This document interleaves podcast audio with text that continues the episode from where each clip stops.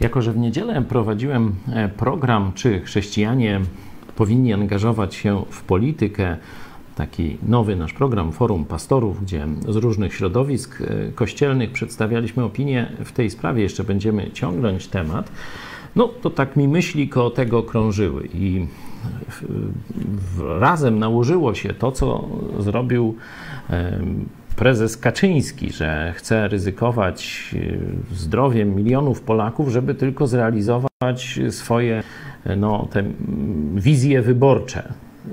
Te dwie rzeczy, kiedy naraz razem złożyłem, e, bardzo jasno stanął mi ten obraz, który Jezus, przed oczami obraz, który Jezus pokazuje o dobrym i złym pasterzu. Siebie przedstawia jako dobrego pasterza, ale mówi też w kontrze o złych pasterzach. To na przykład dziesiąty rozdział Ewangelii Jana, werset dziesiąty. Zestawia te dwie wizje pasterstwa.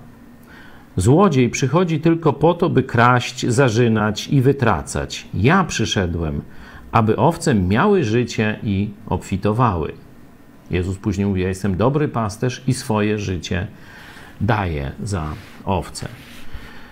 Warto się więc zastanowić, po co są chrześcijanie w polityce? Po to, żeby polityka chroniła ludzi tak, jak Bóg zaplanował. To jest sens istnienia władzy państwowej. Jeśli będą niewierzący ludzie w polityce, to polityka będzie niszczyła ludzi, będzie niszczyła naród, będzie niszczyła narody. Także odcinając się od polityki, zostawiasz ją na żer właśnie tym złym pasterzom, złodziejom, tym, tych, którzy, tym, którzy wytracają i niszczą. Pomyśl, czy chcesz, żeby rzeczywiście ci politycy wytracali, niszczyli Twoją rodzinę, Twoje dzieci, Twoich znajomych i tak dalej.